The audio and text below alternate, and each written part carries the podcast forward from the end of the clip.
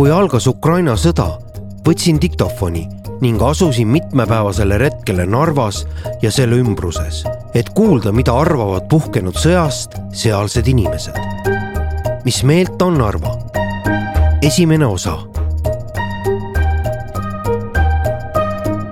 esimene koht, kuhu ma sõidan, on Narva-Jõesuu, sest seal elab mu ema.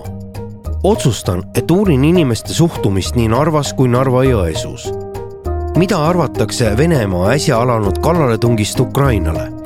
milline on inimeste meelsus, keda toetatakse ja miks? ma ei otsi konflikte, tahan vestelda. see lugu ei pretendeeri üldistavale sotsiaalsele uuringule. ta ei saagi seda olla, sest minu põkkumised inimestega saavad olema juhuslikud.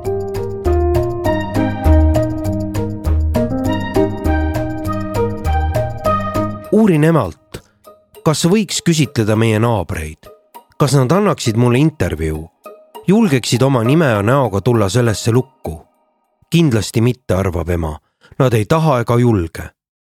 jah, me teame nende seisukohti juba aastaid, nende jaoks on Putin jumal Nad elavad Vene inforuumis, jälgivad Vene telekanaleid ja nende usk on vankumatu. mu vanemad käisid aastaid nendega vastastikku sünnipäevadel. osalesin neil ka ise koos on peetud lõbusaid õhtuid ja läbisaamine on olnud heatahtlik. Nendel sünnipäevadel oli veel palju venekeelseid inimesi. eestlasi lihtsalt ei ela siin enam palju ja ega valik käigi rahvuse järgi. mõtlesin tihti, et naabritena on venelased super, nad on tähelepanelikud, sõbralikud ja hoolivad iseäranis hästi tuleb see välja, kui hakatakse tooste tõstma ja see laine vallandub kiirelt toastid tulevad üksteise järel ja neid on palju. kõigil on midagi öelda. välja tuuakse sõprade parimad küljed. Neid on tähele pandud ja kiitusega ei olda kitsid. eestlastega nii ei ole. tunnustust ja tähelepanu on vaja lunida ja see on alati defitsiidis. naabrinaine Natasha toob nüüd, kus isa enam ei ole, tihti emale borši, kui ta on teinud suurema potitäie või kutsub enda juurde teed jooma ja pirukaid sööma. Nad hoolivad päriselt. millest nad räägivad, olen emalt ikka küsinud. elust, olust, lastest, aiast, kõigest, aga mitte poliitikast. seda ema enam ei tee, sest seisukohad on teada, neid ei muuda ja see on ebamugav. milleks seda vaja on? pigem saame niisama hästi läbi. kui isa veel elas, siis tema nii ei teinud ta ikka puudutas päevakajalisi poliitilisi teemasid. tema ei kartnud vaielda ega jääda erinevale seisukohale. kui vaja, mindi raksu. aga see ei kestnud kunagi kaua. sõbralik läbisaamine oli kõige olulisem. ema ütleb, et ta oli just eile helistanud Natašale ja nad lobisesid pikalt. aga sõjast Ukrainas mitte midagi, nagu poleks see alanudki ega puudutaks meid naabrinaine on ise ka ukrainlane, aga pärast kahe tuhande neljateistkümnenda aasta sündmusi Krimmis tahtvat ta olla rohkem venelane ja oma endisest rahvusest enam ei räägi. ema ei oska arvata, mida ta nüüd mõtleb. äkki on nende seisukohad muutunud või usk kõikuma löönud. no ladna, loobun naabrite intervjueerimise soovist ja otsustan sõita kohe Narva. on hommik panen auto sooja ja kangutan väravaid, mis on maa külge kinni jäänud. selja taga kuulen autorataste pehmet veeremist. pööran pea ja näen naabrinaise naeratavat nägu ja lehvitavat kätt. ta tervitab mind läbi lumes sahiseva Lexuse küljeakna. muidugi tervitan teda sõbralikult vastu. ema oli just enne kommenteerinud, et see auto on neil müügis.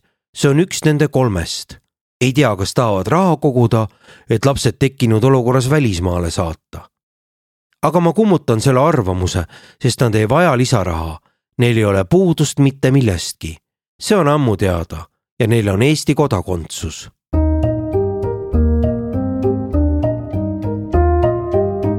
kui olen sõitnud pool kilomeetrit Narva suunas, peatan auto, et helistada Narva-Jõesuu linnapeale Maksimi linnile see mõte tekkis mul nüüd alles autos. suhtlen temaga erinevalt paljudest teistest kohalikest eesti keeles. ta ütleb, et tal on väga kiire, aga helistab mulle pärastlõunal tagasi. jõuan talle selgitada, mis teemaks ja mida ma soovin. jõuan temalt küsida, kas ta oskab soovitada kedagi, kes oleks nõus avaldama oma arvamust. ta teab ühte, kes saaks mulle rääkida õiget juttu ja lubab saata mulle ta kontakti. Bože moi, seda ma küll ei taha. ma selgitasin, et mind huvitavad erinevad seisukohad ja inimesed. mingit õiget juttu pole selle loo jaoks olemas kuigi ma ise arvan, et Putin on täielik munn, ei kavatse ma selle seisukohaga siin inimestele peale lennata. siis on plokk peal ja ma ei saa midagi teada. linnapea tagasi ei helista ega õiget juttu rääkivat allikakontakti ei saada. sõidan edasi, vasakut kätt jääb Narva jõgi, selle taga on juba Venemaa, tee, mida olen läbinud sadu ja võib-olla tuhandeid kordi kunagi koolibussiga auklikul nõukaaegsel, nüüd aga korralikul kaasaegsel maanteel, mis vastab Euroopa standarditele. mõnus on minna. seal teisel pool see nii ei ole. Nõukogude aja sümptomid, hooletus ja minnalaskmine püsivad edasi. kõnnitee on Ivangorodis kuuldavasti imeasi ja ühisrahastus projektidel, mis mõeldud just Euroopa Liidu ja Venemaa piirialade jaoks, on nüüd arvatavasti kriips peal ja Dabrajujeta. see on meie võimalus neile öelda, et me ei taha sõda. Tutkit, bratse, nii nada, nii nada tak поступать. panen autoraadio mängima. tuumapammi pole veel kasutatud. keeran selle tagasi kinni.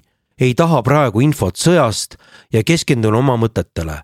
Need on ju selgeks mõtlemata. kuhu ma sõidan, kellega kohtun, ma ei tea. möödun oma kunagisest koolist appi, see on poolenisti maha lammutatud. kõrval on suur auk, vestides mehed siblivad objektil.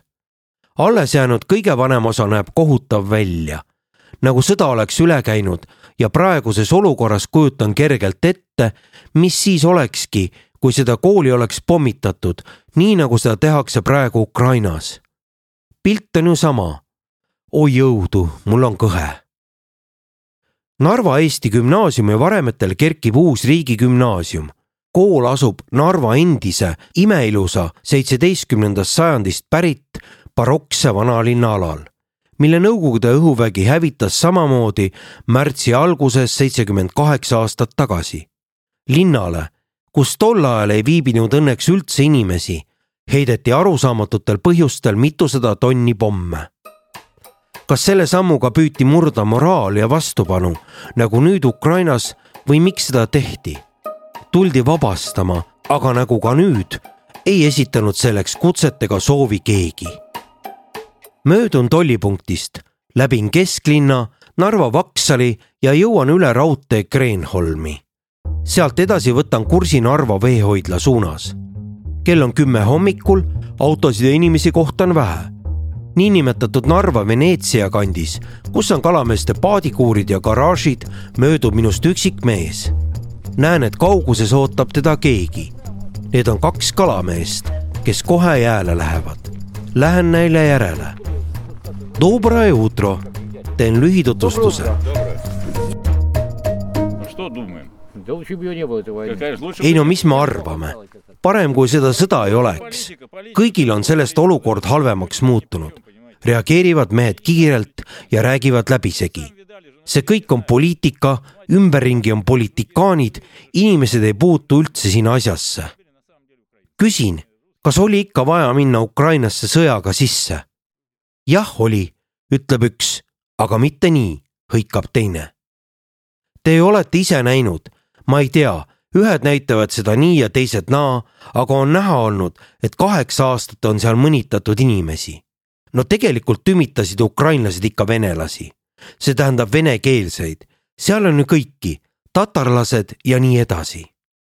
Esimene Sergei võtab aga äkki tuurid üles ja ägestub. see rahvas on seal mäda, ma tean seda juba nõukogude ajast, olen seal armees teeninud. karvamütsiga Sergei kiidab takka ta-ta-ta, õige, vabandust, mitte muidugi kogu rahvas nagu Eestiski. ma tean seda asja, ma olen siin elanud kuuskümmend millegagi aastat. mitte, et ma oleks mingi Sovetski, ma pole kunagi olnud ei komsomol ega parteis, nahhu mul seda vaja oli. aga praegu on Ukrainas kolmekümne aasta jooksul üles kasvanud, kujuta ette, selline põlvkond nagu Eestiski. kasvatad üles natsionalistid ja oledki natsionalist. lihtsalt see kõik sõltubki poliitikast. küsin, kas seal on siis narkomaanid ja bandeeralased ja lihtsalt mindi nende peale? mitte ei mindud, seal lihtsalt on sellised tüübid.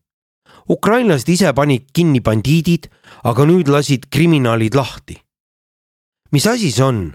tõepoolest, see toimub päriselt, nagu tuhande üheksasaja viiekümne kolmandal aastal pärast Stalini surma. kujuta ette, kõik vangid lasti lahti, milline bardakk see siis oli. praegu on täpselt sama, aga eks keegi peab ju seal sõdima. milline on väljapääs olukorrast, kas on vaja lõpetada sõdimine ja minna võiduka lõpuni? Vaja on normaalseid inimesi nii Kiievis kui ka Venemaal Putinist aitab ka juba, ütleb üks Sergei. teine vastab natuke pahuralt, et ei ole vaja kõike ka Putini kaela ajada, muidu käib ainult üks Putin, Putin ja Putin. põhirääkija jätkab, vaata, mina elan Eestis, olen siin sündinud, aga olen nagu aborigeen. ka isa sündis mul siin, enne sõda juba elas siin. Kõik on üle elatud, lühidalt kõik sõltub kasvatusest ja valitsusest. saad aru, nii nagu nad eesmärgid panevad, vot takk, takk, takk. sanktsioonid on Venemaale suva, jerunda. vaata, veel nädal või kaks ja Euroopa maksab veel selle eest. ma ütlen sulle, Venemaal on kõik läbi mõeldud, olgu Eestis nagu on, aga seal on kõik läbi planeeritud on vaja vabastada seal natuke ja lasta rahval puhata aga ikkagi, millega see kõik lõpeb? vot see on alles küsimus, naerame kõik. ikkagi kokkuleppega, mitte et Venemaa hõivab ja lõpeb rahuga. aga rahvas ei tulnud ju Vene sõjaväge seal lilledega tervitama. no põhimõtteliselt jah, aga üks kanal näitab nii, teine teistmoodi. keda siis kuulata, ma ei tea. me ei ole ju seal kohapeal. Mis kanaleid te üldse vaatate? no mina vaatan internetist, seal on kõike, Venemaa näitab ühte, ukrainlased teist, keda uskuda, ei tea. aga keda teie usute? ausalt öeldes ma ei usu enam mitte kedagi. aga kas Eesti meediat jälgite, vaatate telekanaleid, näiteks ETV Plussi? no mina vaatan kogu aeg, aga seal on ka kõik vaieldav siia-sinna ta, ta-ta-ta, tamm-tamm-tamm, segane lugu sõda poleks muidugi vaja olnud. kahe tuhande neljateistkümnendal aastal võtsid nad ju jõuga võimu. seal oli täielik bardakk. mis te arvate, kas Ukraina on Venemaa osa või ikkagi iseseisev riik? põhimõtteliselt iseseisev. sama passibi. kas siis iseseisva riigi vastu tohtis minna? no kui nad nii agressiivselt käitusid oma rahva vastu, siis tuli minna kindlasti appi seal elavad ju miljonid, miljoneid on vaja aidata. ameeriklased lähevad ju isegi ühele inimesele appi, aga siin justkui keegi seda ei näekski. mõlemad kalurid on ennast soojaks rääkinud, jätkavad intensiivselt selgitades. no Ameerika, võta näiteks Jugoslaavia. Nemad ju pommitasid koos brittidega. Kõik oli lubatud ja normaalne. kuigi seal oleks vist muidu ilmselt rahumeelselt läinud, aga ei Neil oli vaja minna sinna pommitama. milleks see vajalik oli? Venemaa ütles samamoodi, et on vaja tulla inimestele appi ja Putin ütles õigesti. Teie võite, aga meie ei või aidata inimesi. viimane küsimus, ei taha teid rohkem segada, saate minna jääle. Kas te tahaksite elada praegu Eestis või Venemaal? Daragoi mui, mu kallis, alustab üks teine suskab vahele. ma olen elanud Venemaal kakskümmend seitse aastat, aga siin on parem. aga mina olen siin aborigeen, ütleb esimene uuesti. minu sugulased ja vennad elavad kõik Tallinnas ja räägivad eesti keelt. aga mul ei ole seda siin kellegagi teha, kurdab ta. ma olen küll üldiselt Eesti riigile lojaalne üldiselt on kõik hästi, aga teinekord on valitsuses selline tohuvapohu, et võib hulluks minna no vaadake seda naist, kes oli president. isegi eestlastel oli ebamugav. võta näiteks see kohtumine Putiniga, mitte midagi erilist ei juhtunud. oleksid vähemalt asjast rääkinud, aga oli mingi ta-ta-ta ja psjo. arengut ei ole mingisugust, saad aru? Kui uurin lõpetuseks, mis kala siit üldse saab, vastavad mehed, et siin on kõike, ahvenat ja muudki. küsin luba pildistamiseks ja et kas nad on sõbrad. kas olete nõus tulema pildile kahekesi? muidugi on nõus kalamehed on alati sõbrad, taksto lase käia. viskan lahkudes üle õla ikkagi veel ühe küsimuse. mida nad sellest arvavad, kas Venemaa võib kunagi Eestile kallale tungida? Nad ei arva seda. Nende arust pole vaja mitte midagi karta. nii et siia või. mitte kunagi pole vaja karta midagi sellist. Putini jaoks on Pribaltika kuidagi mm, rovna. pärast väikest mõttepausi palub Sergei mul meenutada ajalugu oleksime terve elu muidu rootslaste all olnud. Vene impeerium ikkagi andis kõik, keele ja hariduse. tak što votak Спасибо большое вам. Всего доброго вам. Да, всего Да, хорошего всего вам. доброго. Всего хорошего. Так что нет, я честное слово. Одно видали правительство, другое, третье. И все-таки можем рассудить, кто лучше, кто хуже. Вот так вот. tagasiteel linna näen kunagise Kreenholmi manufaktuuri peahoone vastas kahte naist koerakesega. Nad arutavad midagi armetusseisus elumaja ees. küsin, mida nad asjast arvavad. millest? sõjast, ütlen. Nad ei ole esiti väga sõbralikud, aga asuvad siiski vestlusse. kommentaarid on siin üleliigsed tegelikult hoian neutraalset joont. teisiti pole võimalik, sest tean, et võitlus käib omade vahel, isegi perede vahel. on informatsiooni ja arvamusi, aga püüan mitte midagi kommenteerida antud situatsioonis ja olla erapooletu. inimestest on kahju. Kas teil on hirm? jah, mingil määral on, ütleb üks. teine küsib temalt, mille pärast kas sellepärast, et äkki tungib Venemaa Eestile kallale? Da, mina kardan. sõbratar rahustab teda. ma arvan, et ei tungita kallale, kui NATO seda ise ei tee. Venemaa on rahu armastav riik. ma ei tea, kahtlen selles juba, ütleb esimene ja lisab. sõjas ei ole võitjaid. mõlemad loodavad, et see kõik lõpeb rahuga ja räägitakse omavahel asjad läbi leitakse lahendus ja riik taastatakse täpselt samamoodi, nagu seda tehti Tšetšeenias. ja et Ukraina võiks jääda iseseisvaks. on ju nanotehnoloogiate aeg, milleks need sõjad omavahel? see on nagu kiviajal. meil on niigi sõda käinud siin kolm aastat, selleks oli pandeemia, vot see on sõda. aga omavahel inimesi tappa, milleks see veel, see on kurb sõbratar toob sisse täiesti uue teema ja juhib tähelepanu majale, mille ees seisame. meil on siin avarii, meil on endilgi probleeme küllaga, katus laseb läbi. meil on ametlikud paberid, millel on kirjas, et kui toimus erastamine, oli meie maja juba halvas seisus. aga inimestel ei ole raha, kes meid aitab? me siin seisame ja te küsite, millest me mõtleme. Vot sellest me mõtlemegi kaheteistkümnest korterist kaheksas elatakse ja kõik töötavad minimaalsete palkade eest. mille eest me selle maja korda teeme? meil kukuvad laed sisse, aga teie küsite meilt siin Ukraina kohta. juhin juttu tagasi ja uurin narvakate üldise meelsuse kohta. selgub, et Narvas on kaks leeri, ühed on Putini pooldajad ja teised mitte. Endast pilti teha nad ei luba. ma ei ole fotogeeniline, põhjendab üks ka pisikese toakoera pildistamiseks luba ei anta. aga läheme maja ees lahku sõbralikult naerdes.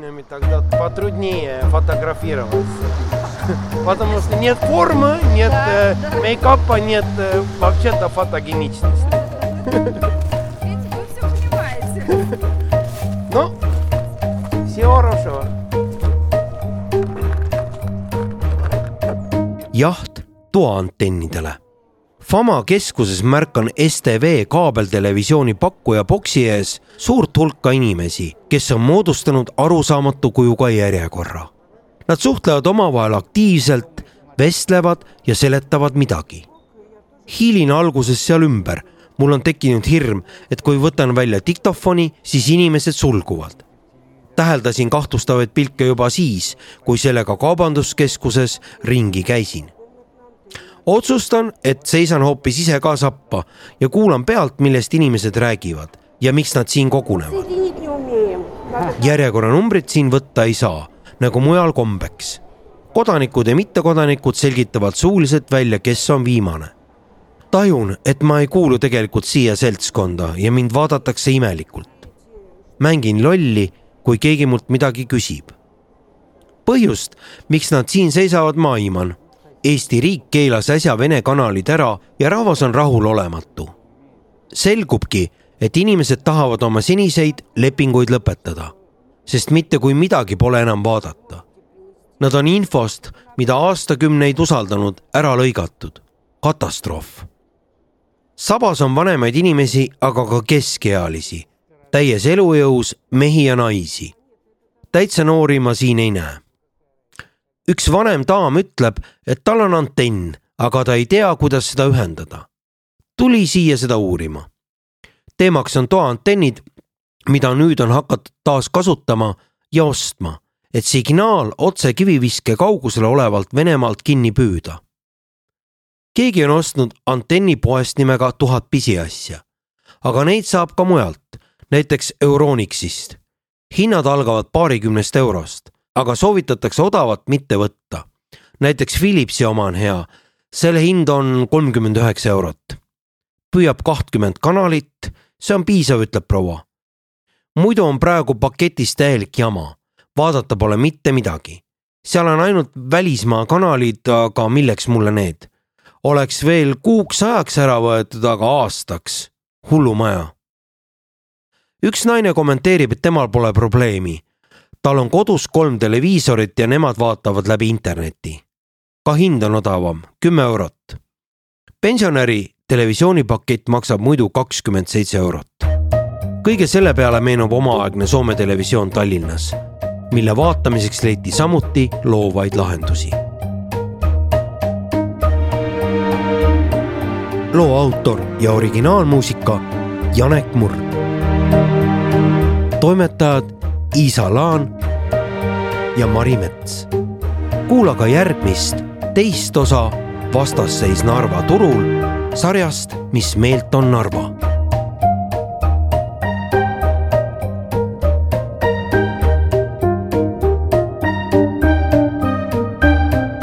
Levila kaks tuhat kakskümmend kaks